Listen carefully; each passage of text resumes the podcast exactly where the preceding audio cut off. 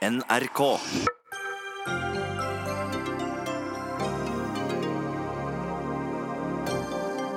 Når forsto Siv Jensen hva som var i ferd med å skje i SSB? Sa hun virkelig til Kristine Meyer at alt går fint, bare Erling Holmøy får beholde jobben? Hva er den egentlige grunnen til at Jensen ikke har tillit til Meyer? Finansministeren kommer og svarer i Dagsnytt 18. Onsdag streiker fagforeningene for å få kastet bemanningsbyråene ut av bygg og anlegg. Men for SV er ikke det godt nok. De vil kaste byråene ut av landet. Og skal vi tenke på klimaet, dropper vi kumelk og nyter i stedet deilig havremel blandet ut i vann tilsatt kalsium og vitaminer, eller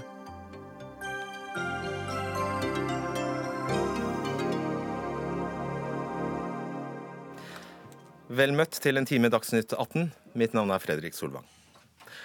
Om lag én time før SSB-sjef Kristine Meyer trakk seg ved midnatt, kom VG med et oppslag som satte saken i et nytt lys. Finansdepartementet hadde bedt Meyer om ikke å flytte på forskeren Erling Holmøy, mannen bak SSBs innvandringsregnskap. Dersom Holmøy fortsatt fikk være i forskningsavdelingen, ville alt gå fint, sa Finansdepartementets folk til Meyer, ifølge henne, og ifølge det som da var en hemmelig telefonsamtale.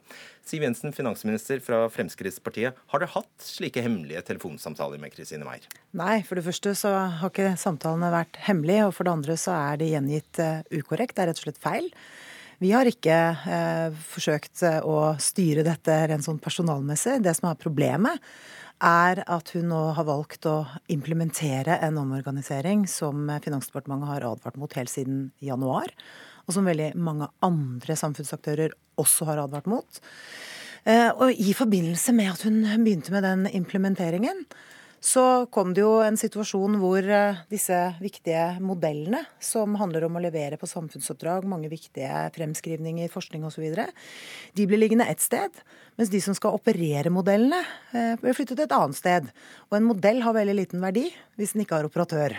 Og Derfor var vi nødt til å utfordre det, eh, sammen med mange andre spørsmål som vi har stilt i den siste tiden. Okay, vi har god tid, Siv Jensen, så vi kommer, eh, vi kommer til det. La oss gjøre oss ferdig med disse Eh, telefonsamtalene. Ifølge VG svarte Meyer at dersom på denne samtalen, da, som du hevder ikke var hemmelig, men på denne samtalen at dersom Holmøy skulle bli, forbli i forskningsavdelingen, ja, da måtte du instruere henne skriftlig. Kan du bekrefte det? Ja, det har vært helt utenkelig. Det har ikke vært på tale fra verken meg eller Finansdepartementets side å gjøre noe sånt. Det vi, Så derimot, lyver? Ja, ja. Det vi har gjort, er å reise helt rimelige spørsmål rundt det faktum at modellene ble værende igjen uten operatører. Og da har modellene veldig liten verdi. Hvis man ikke har noen som kan lage fremskrivningene, så betyr det veldig lite å ha modeller. Stemmer det at eh, Meyer svarte deg at eh, hvis du vil eh, at Holmøy skal forbli i forskningsavdelingen, så får du instruere meg. Stemmer det at hun sa det? Altså, jeg har jo ikke snakket med henne om dette Nei. selv. Men vi har jo fra departementets side i dag avvist påstandene hun har kommet med. Vi har altså ikke ønsket å blande oss inn i dette. Vi har ikke ønsket at dette skal være noen personalsak. Vi har derimot snudd steinene Eh, altså stilt alle spørsmålene som har oppstått i kjølvannet av den situasjonen som har oppstått. Eh, og jeg har igjen lyst til å understreke at dette har jo vært en veldig langvarig prosess.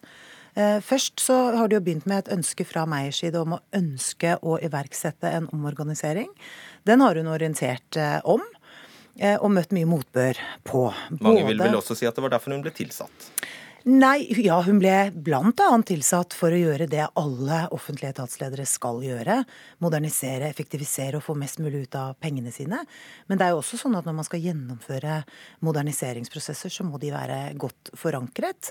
Og de må ha støtte, og de må ha tillit. Og i denne situasjonen så har altså vi helt siden januar fra Finansdepartementets side advart. Ja. Eh, vi har påpekt at eh, det ikke ville være riktig å iverksette den omfattende omorganiseringen av forskningsavdelingen som hun ville gjøre, fordi vi har satt ned et statistikklovutvalg som bl.a. skal se på forskningsaktiviteten i byrået. Hvis ikke du ringte, hvem ringte da?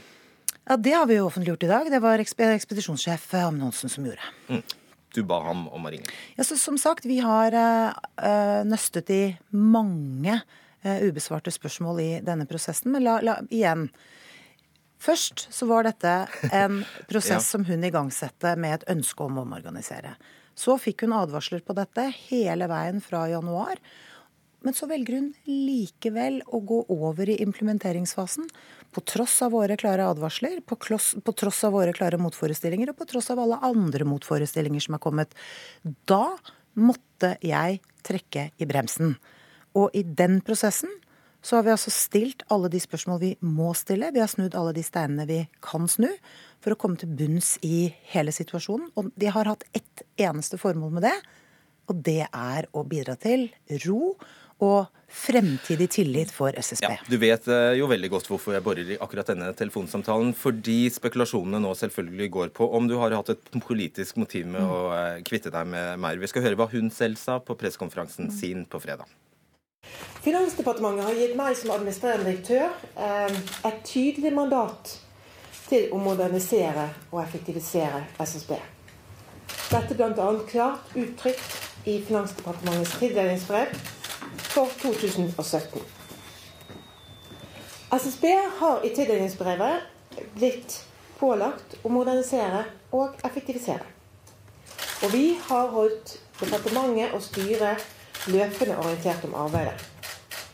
Vi har fått støtte fra departementet til omstillingsarbeidet og prinsippene for arbeidet helt frem til resultatet av innplassering av forskere ble kjent for to og en halv uke siden.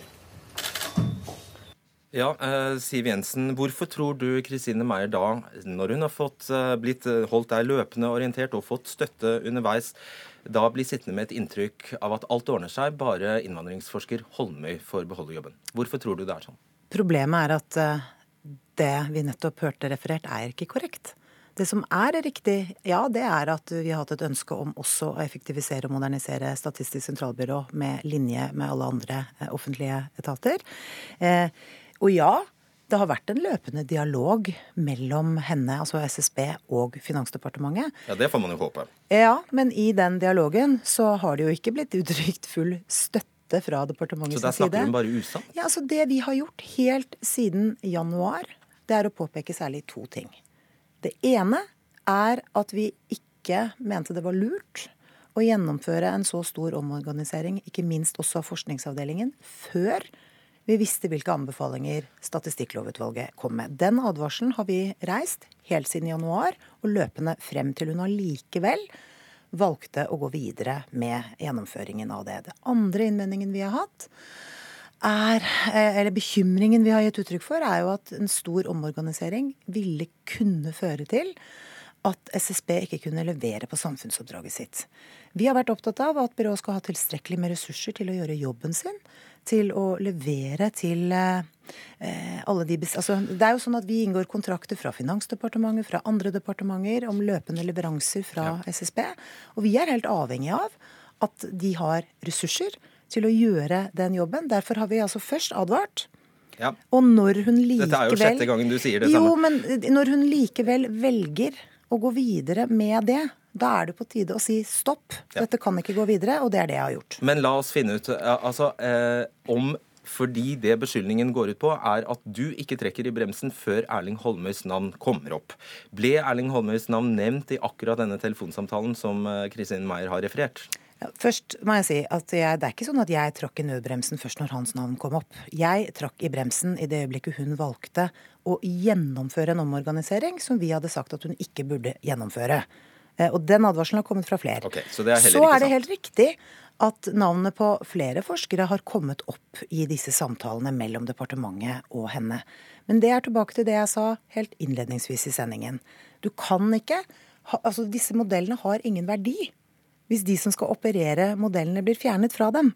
En modell har kun verdi hvis det kan bli produsert Den er ikke knyttet til Erling Holmøys kropp? Nei, men den er knyttet til folk som kan modellene, og som kan levere på de produktene okay. de skal levere. Og dette handler om eh, leveranse på pensjonsfremskrivninger, på klimafremskrivninger, på økonomiske analyser. Eh, altså mange Skatt, viktige spørsmål. Ja, og til, ikke minst også til teknisk beregningsutvalg, altså partene i arbeidslivet. Yes. Um, er du spesielt opptatt av Erling Holmøy og hans modeller? Jeg har ikke vært opptatt av enkeltpersoner i denne saken i det hele tatt, og det skal jeg heller ikke være. Jeg skal ikke gripe inn eh, verken i personalsaker eller politisk styre det som skjer i Statistisk sentralbyrå. De er helt avhengig av å være faglig uavhengig For det er bare på den måten de kan ha tillit, og at vi som er brukere av deres analyser, statistikk og forskning, Eh, har tillit til at det nettopp er uavhengig produksjon.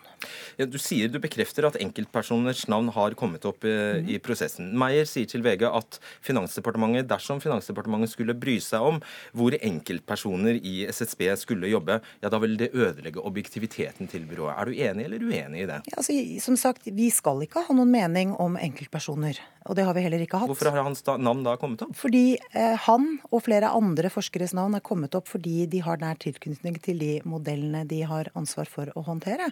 Og da har jo vi stilt følgende spørsmål. Hvis modellen skal være i én avdeling og forskeren i en annen, hvordan eh, kan man da få gjort jobben? Så Vi har jo bl.a. spurt er det ikke da naturlig å samle modellen og personen enten i forskningsavdelingen eller på utsiden av forskningsavdelingen. og Det er noen av de spørsmålene vi har reist i denne prosessen.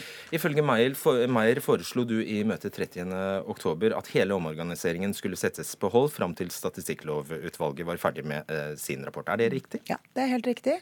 Og i det møtet så avviste hun det kontant. Hun Men så ombestemte hun seg? Ja, eh, hun gjorde det. Og det er i og for seg bra. Men vi har også da Det er jo bare én del av det store bildet vi har eh, jobbet med de siste par ukene. Eh, og For meg har det vært viktig å samle trådene, finne en helhetlig løsning som samlet kunne bidra til å gi ro rundt SSB. Hvorfor fikk ikke Kristine Meyer gå ut og si det offentlig, at nå har vi satt dette, denne omorganiseringen på hold? Nettopp for det jeg nettopp sa at det var viktig å se alt i sammenheng. Eh, legge en helhetlig håndtering av veien videre for SSB. For at byrået og de ansatte skal få ro. Og for å sikre tillit til at de leveransene som alle i samfunnet er opptatt av, blir ivaretatt. Hvorfor lot du det gå så langt at dette utspilte seg for åpen scene, Siv Jensen? Det er nå engang sånn at jeg har bare ett virkemiddel når det kommer til stykket. Det er enten å uttrykke tillit eller å ikke ha tillit. Du har et eh, annet òg, du kunne ha sagt det nå? Ja, Det er et, uh, ikke et aktuelt tema i denne sammenhengen. Vi... Fordi ikke du har en sterk nok sak, da kanskje? Nei, fordi det har vært en uh, vesentlig del av hele denne styringsdialogen. Og det har jo handlet nettopp om tillit. Og det er mange som har, vært, har uttrykt at de ikke har hatt tillit til det som har skjedd. Og det er jo i realiteten fire grunner til at jeg til syvende og sist landet ned på at jeg ikke har tillit til Meyer. Den første har jeg nevnt mange ganger, at vi advarte gjennom hele året.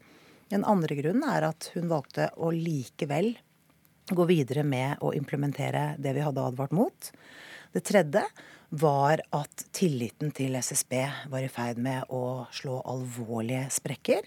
Og det fjerde var at gjennom de samtalene vi har hatt de siste to ukene, jeg opplevde at det ikke har vært eh, tillitvekkende nok. Du snakker om at dere hele, gjennom hele året altså har eh, advart. Når uttrykte du for første gang mistillit til Kristine Meier? Ja, det gjorde jeg gjennom de siste 14 dagene. Eh, for det var da jeg kom til at dette ikke kunne vare lenger, og at jeg ikke så at hun var den rette personen til å lede SSB videre. Hvordan kommuniserte du det? Det ble først eh, formidlet til henne fra Finansdepartementet på torsdag eh, ettermiddag. Og så skulle jo jeg Så det var ikke du som sa det? Så skulle jeg snakke med henne om det på fredag. Det var det møtet hun avlyste, hun ikke kom i. Det syns jo jeg var leit, fordi jeg mener at det er riktig å kunne få uttrykt ting. Er det helt sånn det var? Hun ja, hadde med seg advokat til det møtet? Ja, og hun avlyste det møtet. fordi det er jo ikke sånn at når jeg har møte med etatsledere som er underlagt Finansdepartementet, at det er advokater i de møtene. Det er en helt Er det ikke da du som har avlyst det møtet? Nei. Eh, jeg satt og ventet og ville gjennomføre okay. det møtet, men, men hun ville ikke møte i det fordi hun ikke kunne ha med seg advokat. Det som er helt på det rene, er jo at hun selvsagt er i sin fulle rett til å ha med seg medarbeidere fra SSB i, eh, i møter mellom byrået og departementet. Det skulle bare mangle. Mm. Ifølge meg kalte du det første møtet for en refleksjonssamtale. Nei, det er andre møtet. Det andre møtet, beklager det. Mm. Eh, da hadde du satt deg ned med årsmeldingene foran deg og begynt å stille henne spørsmål. Hun opplevde det som et eh, forhør, og hun eh, sa at dette møtet var relativt ubehagelig. Mm. Hvorfor lagde du et ubehagelig møte for henne? At hun har opplevd det ubehagelig, det kan jeg i og for seg forstå, for det var vanskelige spørsmål på, um, på, bordet. Det har vært viktig for meg å som sagt snu alle steinene, og jeg har da gått gjennom med henne alle de møtene som har vært avholdt mellom SSB og Finansdepartementet siden januar. og stilte spørsmål rundt hvorfor hun da ikke har lyttet til de innvendinger som har kommet fra Eierdepartementet, de innvendingene vi har hatt. Eh, dette har jo vært helt sentralt. Og husk nå på at debatten rundt eh, SSB den har jo pågått i nesten et år. Mm. Mange aktører i samfunnet har uttrykt skepsis, uro, bekymring og manglende tillit. Eh, og mange har etterlyst at jeg skulle gripe inn og bringe saken til ro. Og det har jeg nå gjort. Og det er altså min jobb eh, som øverste leder for Eierdepartementet. Hvorfor skal Kristine Meier ha masse, masse, masse penger for å gå av fra en jobb hun ikke har eh, utrettet, etter din mening? Ja, nå har vi fremforhandlet en avtale som gjorde at hun fratrådte Ja, det vet jeg, men hvorfor? Det er i grunnen ikke helt uvanlig, og nå har vi blitt enige, kommet til minnelighet, og det er jeg glad for. Men er det riktig? Det får andre vurdere. Jeg mener det er riktig å gjøre dette for å bringe situasjonen til ro. Eh, det var altså kommet en situasjon hvor dette ikke kunne vedvare. Skal vi få ro for SSB, så måtte det en ny leder til. Og jeg registrerer jo at det også uttrykkes i dag eh, glede fra de ansatte i SSB for at man nå har fått på plass en som fungerer. Hvorfor var det viktig for deg å tvinge Kristin Meyer til å bare uttale seg høvelig? Nei, eh, her har det vært en uh, utstrakt dialog. Eh, og jeg har lyst til å si det sånn, jeg har ikke noe ønske om å legge munnkurv på noen. Jeg er tilhenger av åpen og fri diskusjon. Har hun uttalt seg høvelig? Hun har lov til å si akkurat det hun mener. Og så er det min jobb å få frem hva som er uh, helheten i denne litt kompliserte saken, som veldig mange har meninger om. Du, la oss gå inn på eh, dette som nettopp handler om når, det ble, når, når departementet egentlig eh, trakk i bremsen og fortalte Kristin meg hvordan det forholdt seg. I redegjørelsen din på fredag sa du de planlagte endringene i forskningsavdelingen har vært tema i styringsdialogen mellom Finansdepartementet og SSB ved flere anledninger i år, og i mine samtaler med Kristine Meyer. Mm. På hvilket tidspunkt tok du aller første gangen opp denne bekymringen? Altså, Finansdepartementet har tatt eh, denne problemstillingen opp helt siden januar. januar. Og ved alle møter, både muntlig og skriftlig, så har det blitt eh, fremført fra Finansdepartementets side, og jeg har jo vært løpende orientert om det. Men som jeg sier, når vi kom til den situasjonen at det gikk over fra å være en eh, plan, altså noe hun planla å gjøre, til at hun valgte å gjennomføre det, på tross av at vi hadde sagt at dette ikke var en veldig god idé.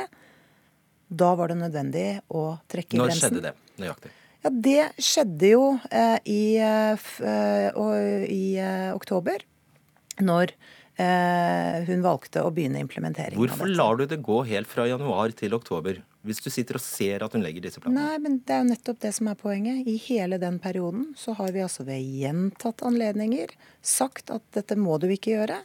Eh, trodd at vi har blitt hørt. Og når hun da eh, går over fra å planlegge å gjøre til å faktisk gjennomføre, på tross av mm. at vi gjentatte anledninger har sagt at dette skal, bør du ikke gjøre, Eh, og vi har uttrykt andre bekymringer også, ja da måtte vi altså si nå, det, nå må vi stoppe. Nå må vi eh, finne en annen vei ut av dette. Og dessverre så har det altså fått det utfallet det har 6. fått. februar ble du spurt av Marianne Martinsen i Arbeiderpartiet mm. om, om, organiseringen i eh, SSB burde stanses inntil nettopp dette statistikklovutvalget hadde eh, lagt fram sin innstilling. Og da svarte du litt sånn bla, bla, men du, men du sier at Finansdepartementet har normalt ikke adgang til, og heller ikke ønske om å gripe inn i den daglige styringen av av SSB. Det henger jo dårlig på greip med at du faktisk setter foten ned og griper inn. Nei, men det er jo helt riktig. Vi har ikke noe ønske og skal ikke gripe inn. Ja, Men du gjorde det jo. Vi har ikke noe ønske og skal ikke gripe inn i den daglige styringen av SSB. Men det er jo heller ikke en daglig styring vi nå snakker om. Vi snakker jo om en omfattende omorganisering som har vakt mye debatt gjennom et helt år. Da jeg svarte Marianne Martinsen på dette i februar, så ble det jo bl.a. Eh, stilt spørsmål om jeg hadde tillit til at dette gikk for seg på en ordentlig måte. Og på det tidspunktet hadde jeg det. I februar hadde du det? Ja.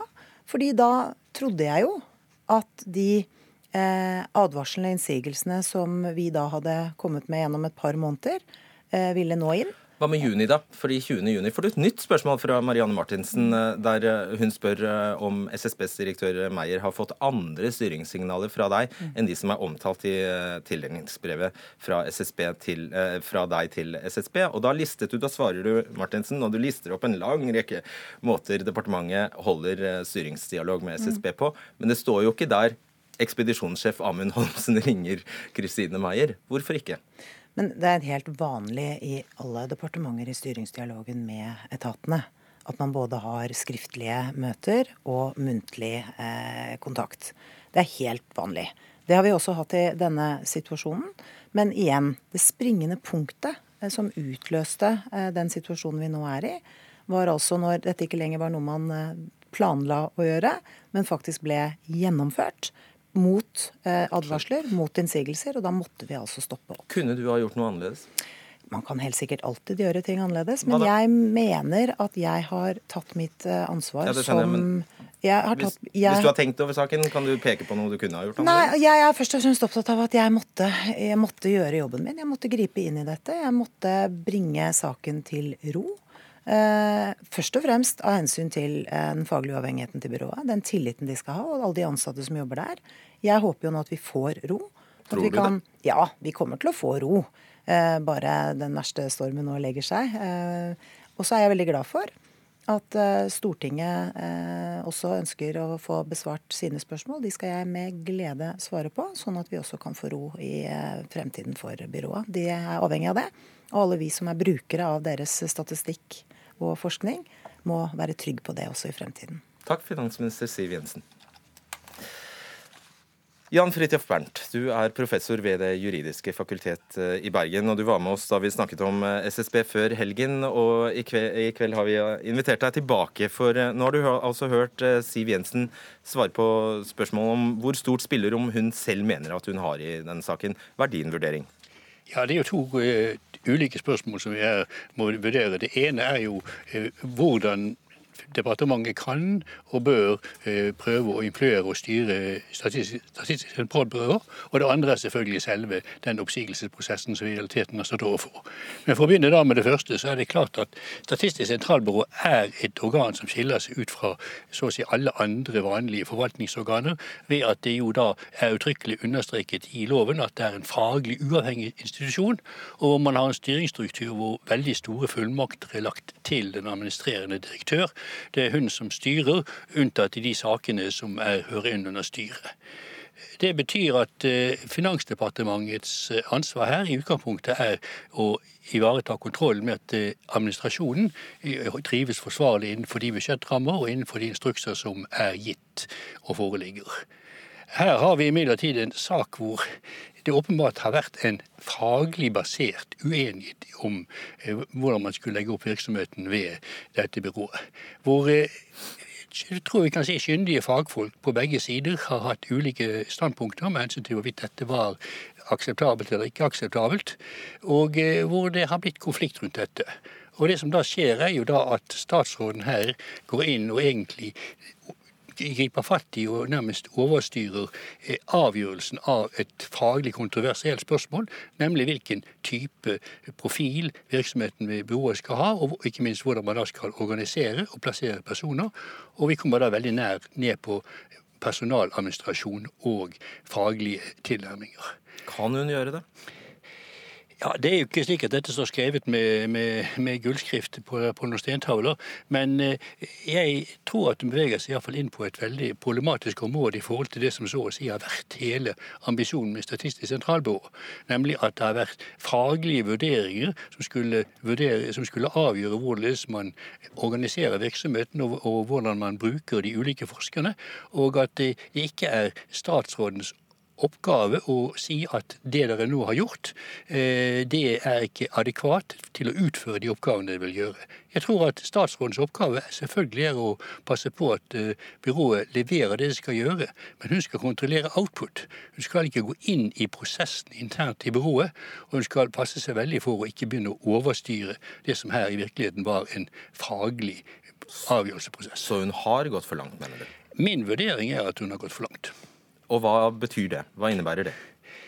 Nei, Det innebærer jo at eh, Stortinget, som jo er den eneste og relevante overordnede instans her, må jo da se på spørsmålet om de mener at dette er en utvikling man ønsker, eller om man finner behov for, bl.a. I, forbindelse med arbeidet med den nye statistikkloven, å understreke klare eh, grensene mellom på den ene siden den faglige virksomhet i byrået, og på den andre siden de politiske eller departementsfaglige vurderingene som foretas utenfor byrået. Men hva kan Stortinget gjøre, da? Nei, Stortinget kan i en slik sak selvfølgelig eh, både instruere statsråden, og de kan eh, vedta lovbestemmelser som iallfall hindrer at denne situasjonen oppstår på nytt. Eller de kan velge å si at nei, vi eh, mener at statsråden har gjort rett, og at eh, vi må akseptere at eh, dette byrået ikke er så veldig forskjellig fra andre ytre etater, og må finne seg i å bli styrt så mye og så på den måten som statsråden til enhver tid måtte mene var politisk riktig.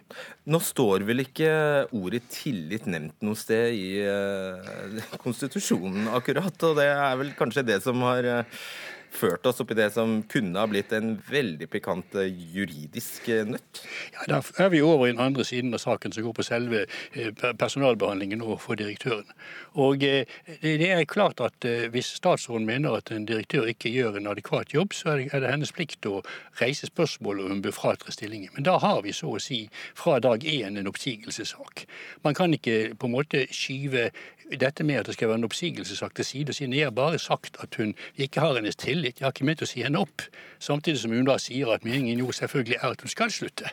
Ja, hvordan, tolker, hvordan, tolker, du det at hun eh, her eh, egentlig avkrefter at hun i det hele tatt hadde den muligheten? Ja, altså, hun, hun, sier jo samtidig at hun sier jo samtidig veldig klart at eh, meningen var at hun skulle få eh, ja, ja. meg til å slutte. Og eh, når hun da sier at hun ikke skal drive med politisk styring, så er det jo det igjen åpen for en diskusjon om hva er det politiske og hva er det administrative her. Og eh, det er jo et spørsmål hvor mye administrasjonen her da så å si ønsker å ta kontroll over, nettopp av de faglige tingene.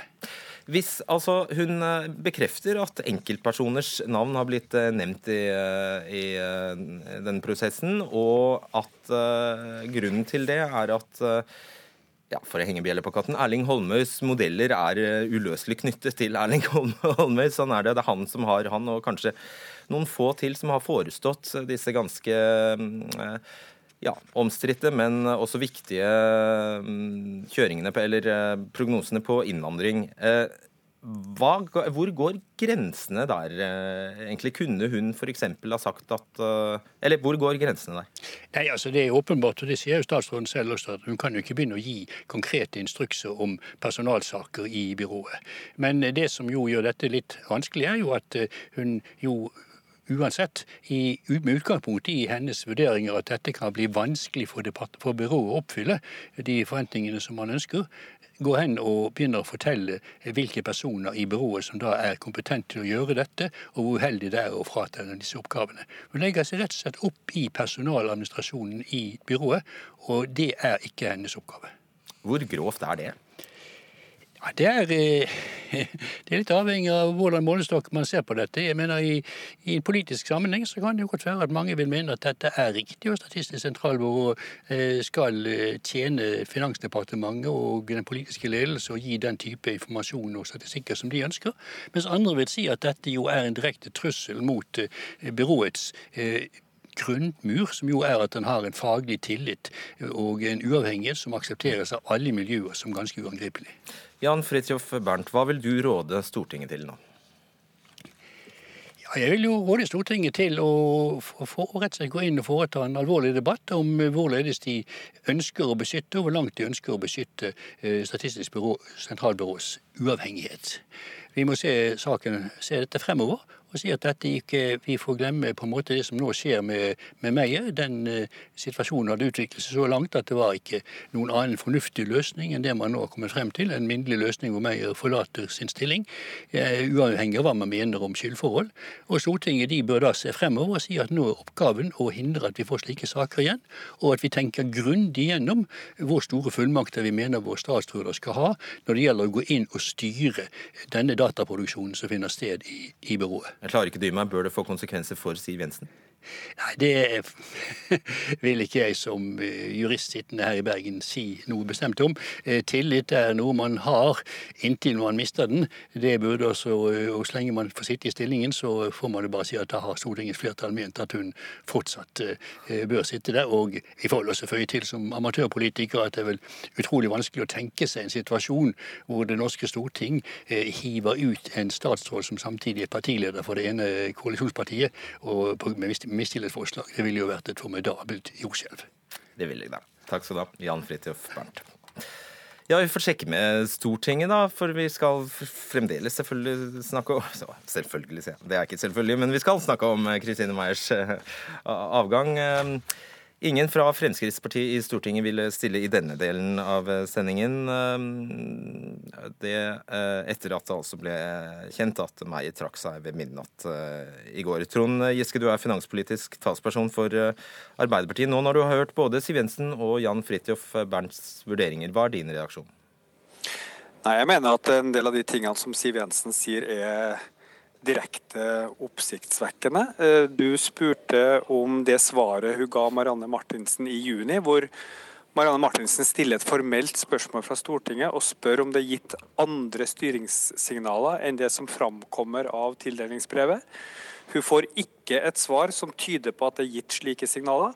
Og nå sier Siv Jensen at eh, jo, tvert imot, hun har i hele år bedt Kristine Meyer om å stanse omorganiseringa. Da er det enten en feilinformasjon til Stortinget i det brevet, for vi har jo ikke fått det svaret. Og en statsråd plikter jo å gi Stortinget riktig og relevant informasjon. Ellers så er det usant det hun sier i ditt studio for kvarter siden. Begge deler kan ikke være riktig samtidig. Enten så har hun prøvd å stanse den omorganiseringa. Da måtte hun ha svart det når Stortinget spør. Ellers har hun ikke prøvd å stanse den, og da forklarer jo kanskje det hvorfor Kristine Meyer heller ikke stansa den. Så dette er jo en av de viktige spørsmålene vi må stille. Det andre som jeg syns var veldig oppsiktsvekkende, det var forklaringa på hvorfor Kristine Meyer, som sa OK, jeg kan stanse denne omorganiseringa, likevel i nesten to uker ikke fikk lov å gå ut med det. Eh, Siv Jensen sier at hun prøvde å skape ro. Det at Kristine Meyer ikke fikk gå ut og avslutte omorganiseringa. Det skapte jo ikke ro. Det skapte jo den mest tilspissa situasjonen vi har hatt ja, mellom en, en, en statsråd og en etatsleder. Så det er jo også helt feil. Så, og, og, Vi fikk også da det tredje punktet høre at uh, en enkeltforsker var tatt opp i dialogen mellom departementet og uh, eh, SSB. Selvfølgelig kan departementet ta opp at modellene blir vedlikeholdt, men å begynne å blande seg borti hvem som skal vedlikeholde dem, det er også en helt uh, uhørt innblanding. Så her har vi tre i hvert fall områder hvor vi helt definitivt må følge opp fra Stortinget. Ja, Da blir det jo spennende å se hva dere har tenkt å gjøre, og hvor potente dere faktisk er. Kari Elisabeth Kaski, finanspolitisk statsperson i uh, SV. For jeg regner med du underskriver på at du sitter og nikker mens uh, Trond Giske snakker, men hva i hva i alle dager skal Stortinget gjøre med dette? Mm.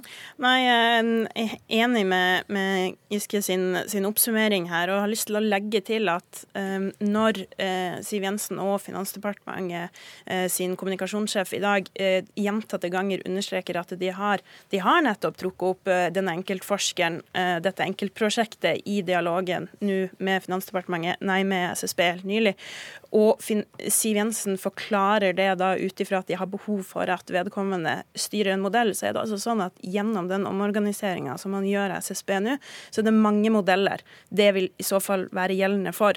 Det er mange modeller som eh, på sett og vis eh, får konsekvenser gjennom den omorganiseringa, f.eks. det som går på klima og energi. Og da er det jo interessant å spørre hvorfor ikke den samme bekymringa har vært knytta til de modellene, hvorfor det har kommet spesifikt knytta til én person men det vet vi for så vidt ikke.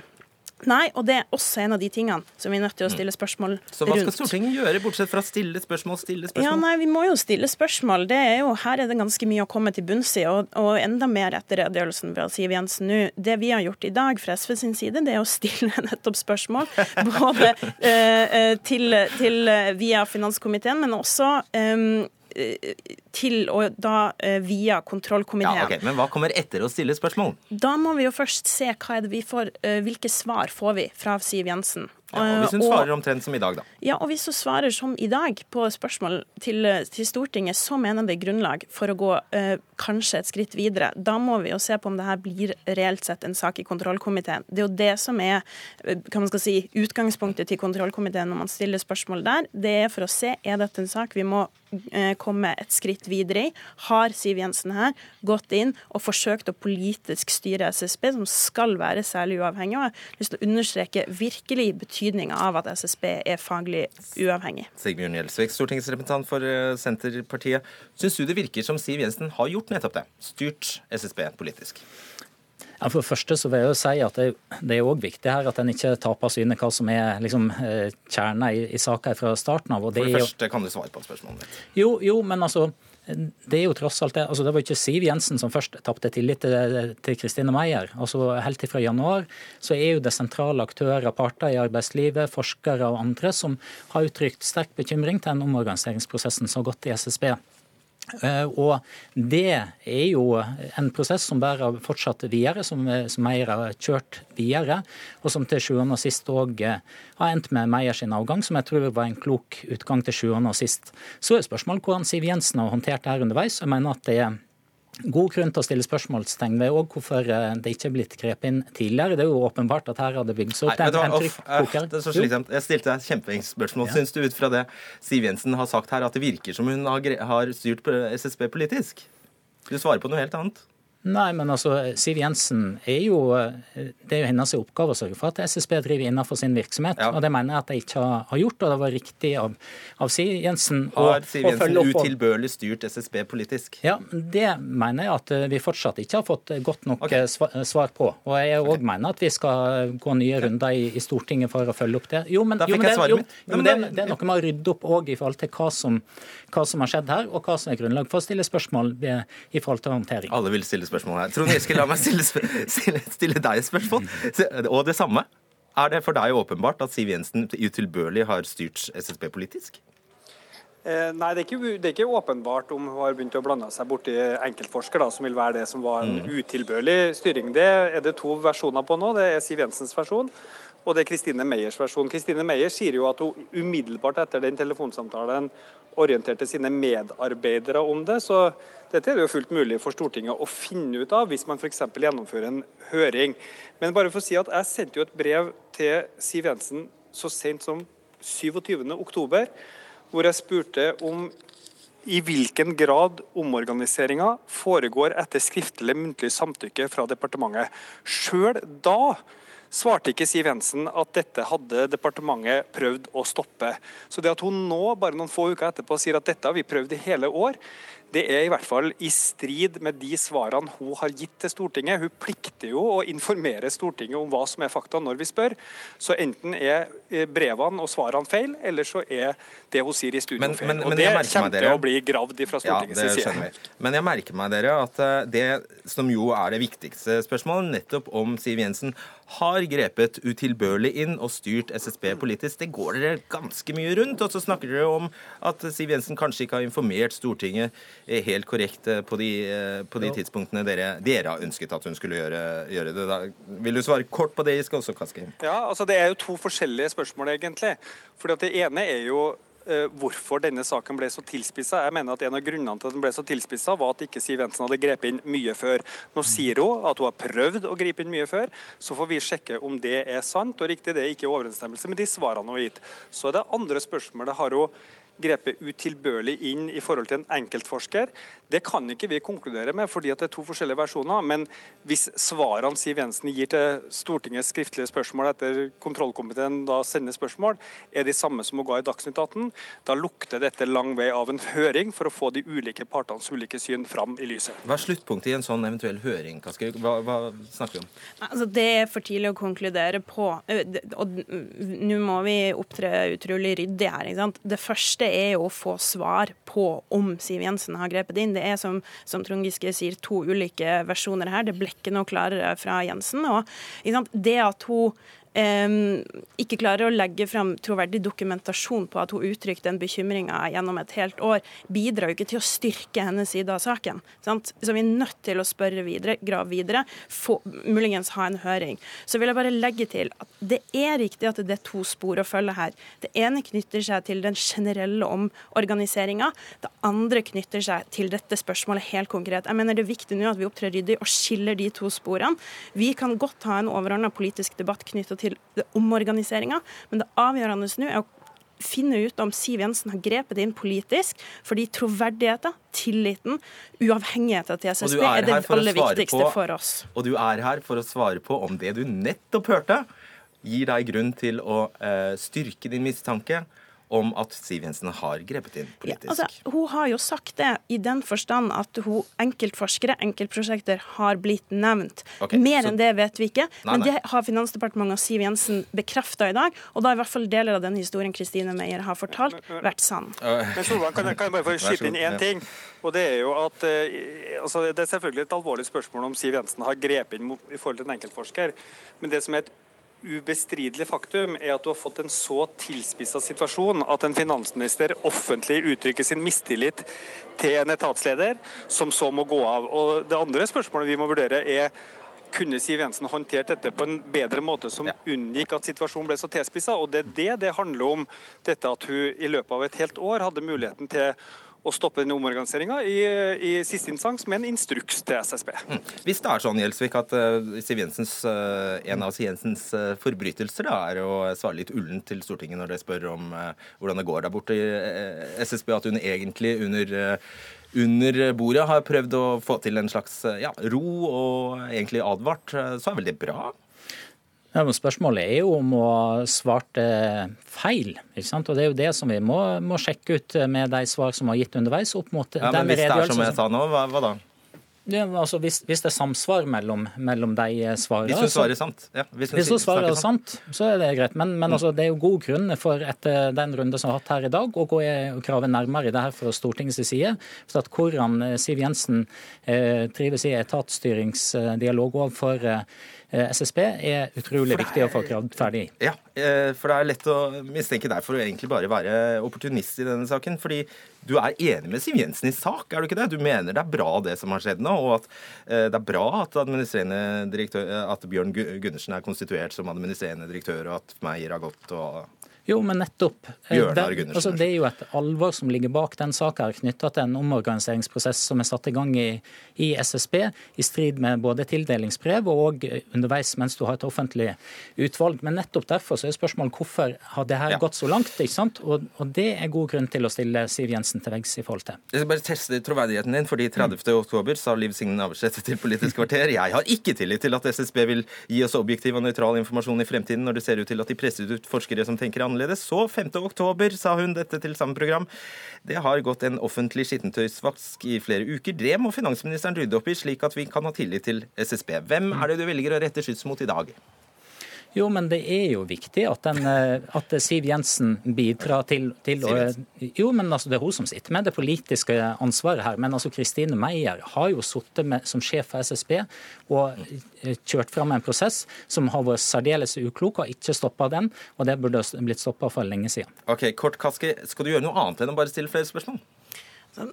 Det Stortinget kan gjøre på det nåværende tidspunkt, det er jo nettopp å stille spørsmål. Når, eh, og da særlig kontrollkomiteen, får inn svarene fra departementet, så vil en jo vurdere om dette er grunnlag for en kontrollsak, og deretter en høring, for å få et, mer informasjon om hva det er som har skjedd her. Men det jo vi i SV uansett kommer til å gjøre, som ikke dreier seg om den kontrollsaken, er å følge den pågående diskusjonen rundt omorganisering av SSB, modellbruk, hvilken rolle SSB skal ha i samfunnet det mener jeg fortsatt er en viktig diskusjon, men det er ikke en sak for kontrollkomiteen. Ja, Det har plutselig blitt en ting vi alle bryr oss om. Ja, det er viktig, og vi i Norge er utrolig viktig og glad for at vi har SSB og, og har tillit til SSB i Norge. Men det er, det er, viktig at nettopp den diskusjonen skal gå videre, og at det ikke ender opp med at den typen diskusjoner skal ikke norske politikere ha. For at det er utrolig viktig hva slags grunnlag som SSB skal, skal styre på. Det er viktig for tilliten til SSB og alle de som er avhengig av SSB sin virksomhet. Takk for denne runden, Trond Giske, Sigbjørn Gjelsvik og Kari Elisabeth Kaski. Dagsnytt 18 alle hverdager klokka 18.00 på NRK P2 og NRK2.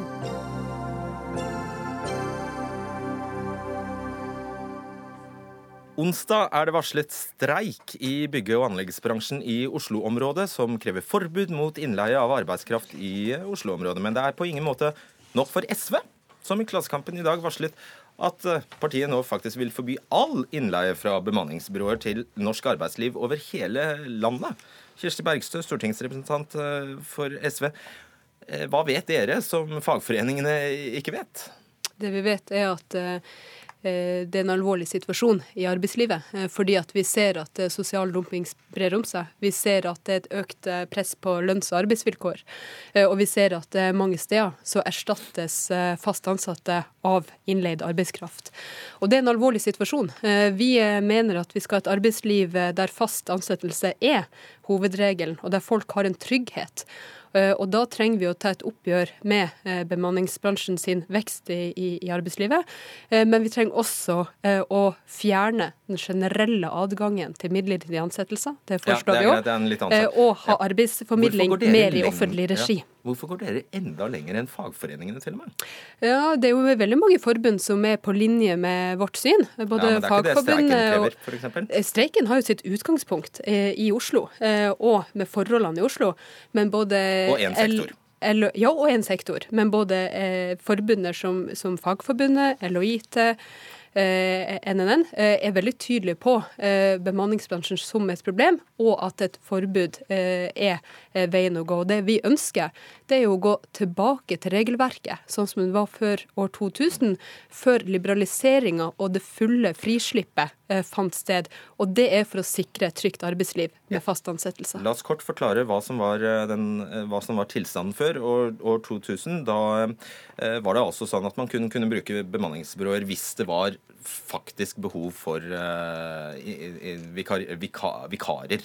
Mm. Og egentlig bare da. Er, er det riktig forstått, eh, Målfrid Bratt, konsernsjef i, i eh, Manpower Group?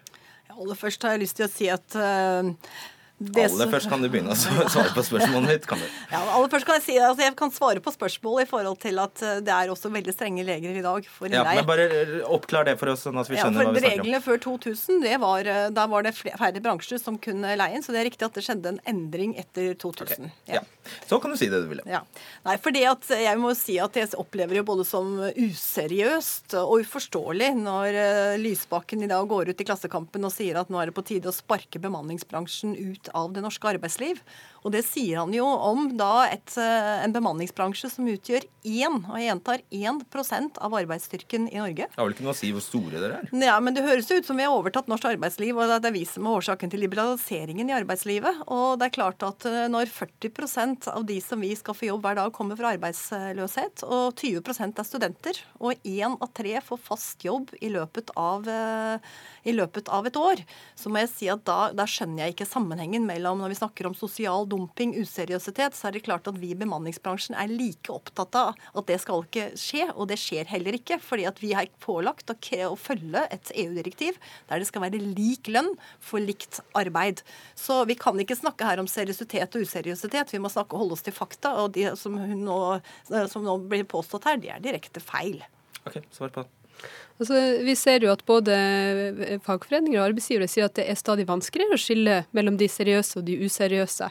Eh, fordi at presset eh, øker. Og en ny rapport fra arbeids... Så la oss forby arbeids... alle, bare? Like greit? Ja, det handler om at eh, fra et politisk ståsted så er det jo viktig å peke retning på hvordan arbeidsliv vi ønsker.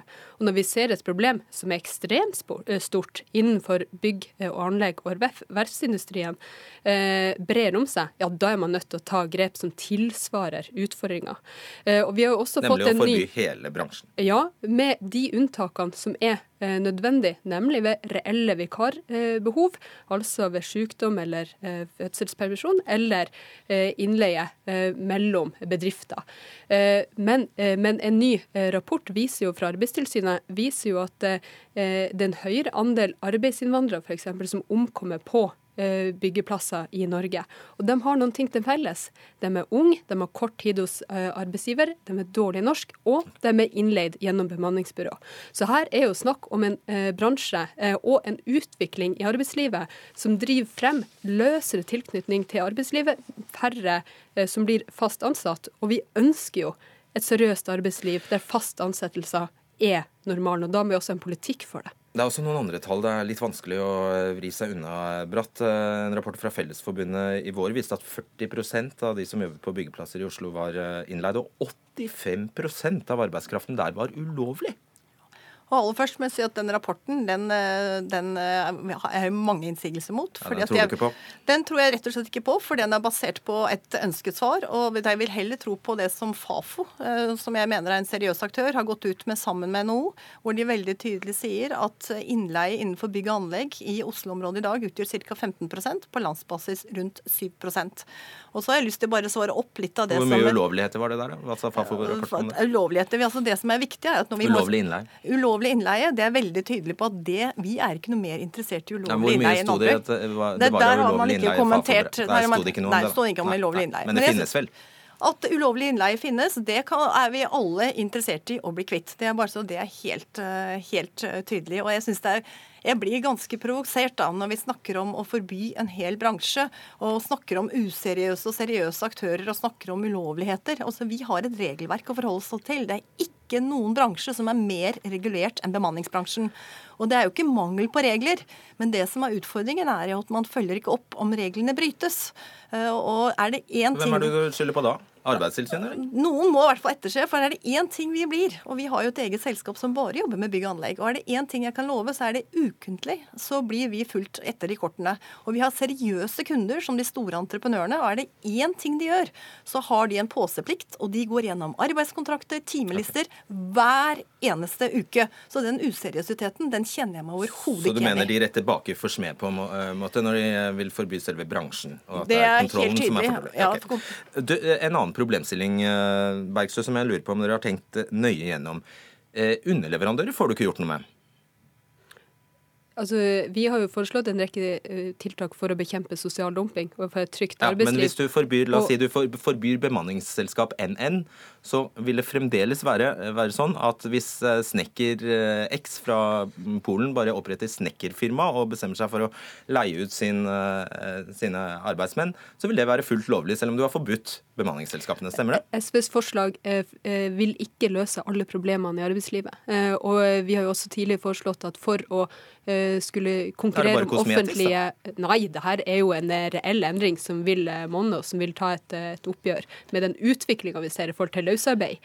Men det vil ikke løse alt. Her handler det om å ligge i forkant. For det vi ser nå, er et politisk trykk for liberalisering, for løsere tilknytning, og det går på bekostning av arbeidsfolks trygghet. Og så er det en rekke tiltak som må gjøres på sikt, men det her er en viktig eh, okay. viktig endring eh, som må, vi, ja, vi, må jeg. Jeg syns det er veldig viktig her å si at vi for det første, dette handler ikke om løsarbeid. For det andre så er det altså 100 000 mennesker som får jobb i denne bransjen hvert eneste år. Og jeg må si at eh, det er hva vi har tenkt å gjøre med alle de menneskene som da får en mulighet gjennom eh, bemanningsselskaper, det ønsker jeg svar på. Jeg herved invitert deg til å være med på ja. Derfor skal vi styrke den offentlige arbeidsformidlinga, som er kjempeviktig. Hjertelig takk skal dere ha, Kirsti Bergstø og Målfrid Bratt.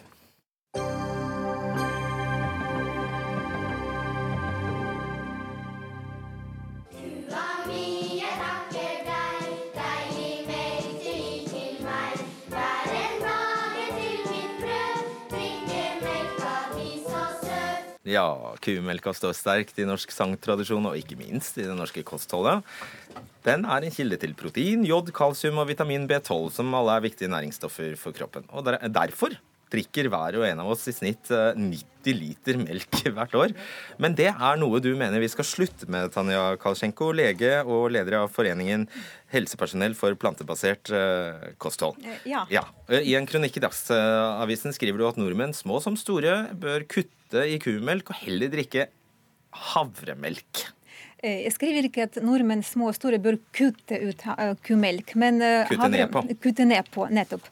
Det er fordi um, altså det, for det første så uh, Mesteparten mennesker i verden de drikker ikke kumelk i det hele tatt, fordi de ikke tåler sukker som finnes i kumelk. For det andre, ingen mennesker har behov for protein fra dyreriket eller andre næringsstoffer fra mat fra dyr. Og, mener du det? Ja, det er ikke jeg som mener. Det er ikke jeg som mener. Okay. Omfattende forskning viser at, og det er faktisk noe som Helsedirektoratet skriver på sine nettsider, at til og med barn som har et vegansk kosthold, altså et kosthold der man har kuttet ut ikke bare kumelkprodukter, men også kjøtt, Eh, kuttet ut eh, fisk og egg. Til og med barn som har et slikt kosthold, helt uten mat fra dyreriket. Okay. Til og med de, de vokser fint og utvikler seg normalt. Hvordan smaker havremelk?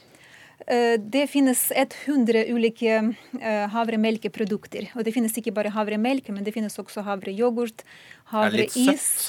Det finnes mange forskjellige smaker. I Sverige er det godt? De, ja, det selger veldig godt, og det kommer stadig flere det, okay. havremelkeprodukter. I Sverige har de store hyller med ulike produkter av havremelk. Skjønner. Ida Berge Hauge, direktør i Opplysningskontoret for meieriprodukter. Vi trenger ikke animalsk protein? Jo, Vi trenger uh, melken. Melken er vår viktigste bidragsyter til uh, kalsium og jod i det norske, uh, norske, kostholdet. Faktisk Opp mot 70% av det bidraget vi får, får vi fra melken. Så et melkeglass er utrolig bra. I tillegg så er det jo da mange andre næringsstoffer som du nevnte innledningsvis. B12, B2, proteiner. Eh, fosfor osv. Så, videre. så det er jo en veldig enkel måte å få i seg mange flotte næringsstoffer på, og det smaker veldig godt. Ok, Vi drikker jo faktisk da Vi har gjort det, nordmenn har drukket eh, kumelk i mange, mange, mange hundre år, så ja. hvorfor stoppe med det? Eh, jeg sier ikke at man må stoppe, man må kutte betydelig Nei, ned på det. Ja, kutte ned på det. Men hvorfor? Eh, ja, det er fordi altså, Statens kostholdsråd, eh, myndighetenes kostholdsråd, de baseres ikke bare på hensynet til sunnhet. Eller de anbefaler ikke bare det som er sunnest. Nei. Men kostholdsråd i Norge, akkurat som i alle andre land, de tar hensyn til, de tar utgangspunkt i og baseres på matvarekultur som er vanlig. Og matvarekultur er ikke noe som skapes i vakuum. Matindustrien, eh, ikke bare kumelkindustrien, men alle andre matindustriene, de bruker eh, store pengesummer på å markedsføre, på å reklamere, på å fremme sine produkter, og er dermed mektig konkurrent til Statens kostholdsråd med tanke på påvirkning om hva befolkningen vil spise. Og mens Helsedirektoratet har store nedskjæringer, så bruker meieriindustriens PR-selskap, som Ida Berghaug er direktør for, 31%, 31 millioner kroner per år bare på generisk reklame okay. for melk- og meieriprodukter. Og Hvis det var sunnhet som var rådende, da hadde jeg, det helt sikkert at helsemyndighetene hadde anbefalt i hvert fall halvere inntaket av meieriprodukter og erstatte dem med havreprodukter. Helsemyndighetene har, altså er våre fremste eksperter, baserer seg på de rådene som blir gitt bl.a. fra Nasjonalt råd for ernæring, som er de fremste ekspertene på, på, kosthold i Norge, og bruker mye tid på å sette seg inn i forskningen. De sier altså at vi skal eh, spise og drikke magre meieriprodukter daglig. Det er del av kostrådene. Og kostrådene til eh, helsemyndighetene de sier at det er fint med plantebasert, gjerne eh, plantebasert, men ikke bare plantebasert for alle. De sier jo da at du skal ha en kombinasjon av frukt og grønt og meieriprodukter og eh, mager magert kjøtt osv. Så, videre, så, så jeg tenker at jeg syns vi skal høre på de rådene. Og det er de rådene som vi i Opplysningskontoret også følger, for vi syns det er veldig gode råd, og det er riktige råd. Eh, så, så jeg, jeg syns jo det blir veldig ekstremt å sette spørsmålstegn ved helsemyndighetene og deres uh, nøytralitet og objektivitet. Det er vel egentlig deg hun setter spørsmålstegn? Ja, hun gjør jo det også. Og det kan hun jo selvfølgelig gjerne gjøre. Men, uh, alle, uh, så, jeg tenker at vi representerer den norske melkebonden. og vi er kjempestolt over at melkebonden lager et flott produkt som norsk melk. Ja, Men det er ikke helt sikkert at dere er helt uhildet. Det er vel hennes poeng? Ja, det er hennes poeng. Og det er vel kanskje heller ikke hun. Er du opptatt av, er du opptatt av klima? Ja, selvsagt. Så på og, bærekraft, måte, ja. og bærekraftig matproduksjon. Så hvilken sammenheng litt kort, er det mellom klima og det å drikke melk? Altså, det er veldig stor sammenheng. Uh, havremelk uh, gir uh, betydelig lavere utslipp av klimagasser i, størrelsesorden, i størrelsesorden 10. Og ja, det, det, det, er fordi, det er fordi um, kuer um, altså alle husdyr. Det er ingen husdyr som kan produsere mer energi og mer næring enn det de forbruker. Og kuer forbruker betydelig større mengder energi og protein enn det de eh, gir i form av um, i form av kumelk. Og ikke bare det. Allerede i dag så brukes 90% av norsk dyrket jord på å produsere husdyrfôr. Det er jo fordi at vi lever i det landet vi lever at det er sånn. Det er ca. 3 Nei. av Norges eh, areal i det hele tatt som kan brukes til eh, jordbruksområder. Og av det igjen så er det bare en tredjedel som kan brukes til matproduksjon og havre. Og havre og korn. Og det har noe også med, med klimaet vårt. Så da er det ikke bare å sette i gang og dyrke eh, kornprodukter istedenfor å få det gresset som vi får ut. fordi at det er altså to tredjedeler av jordbruksarealet går til gress som kuene kan bruke. Og vi mennesker kan ikke fordøye gress, okay. men vi kan fordøye melk. Ok, vet du hva? Eh, Jeg er sikker på Dere blir ikke enige. Ja. Jeg skal bare avslutte med en saksopplysning. og det er at eh, Hvis i dagens tempo vi fortsetter som vi eh, nå, så vil vi i 2050 dyrke mer korn til å mate dyr enn vi spiser selv. Takk skal dere ha, Tanja Kalsjenko og Ida Berg Hauge. Dere fikk avslutte denne utgaven av Dagsnytt 18. Arnhild Myklebust, Erik Sandbråten og Fredrik Solvang ønsker god kveld.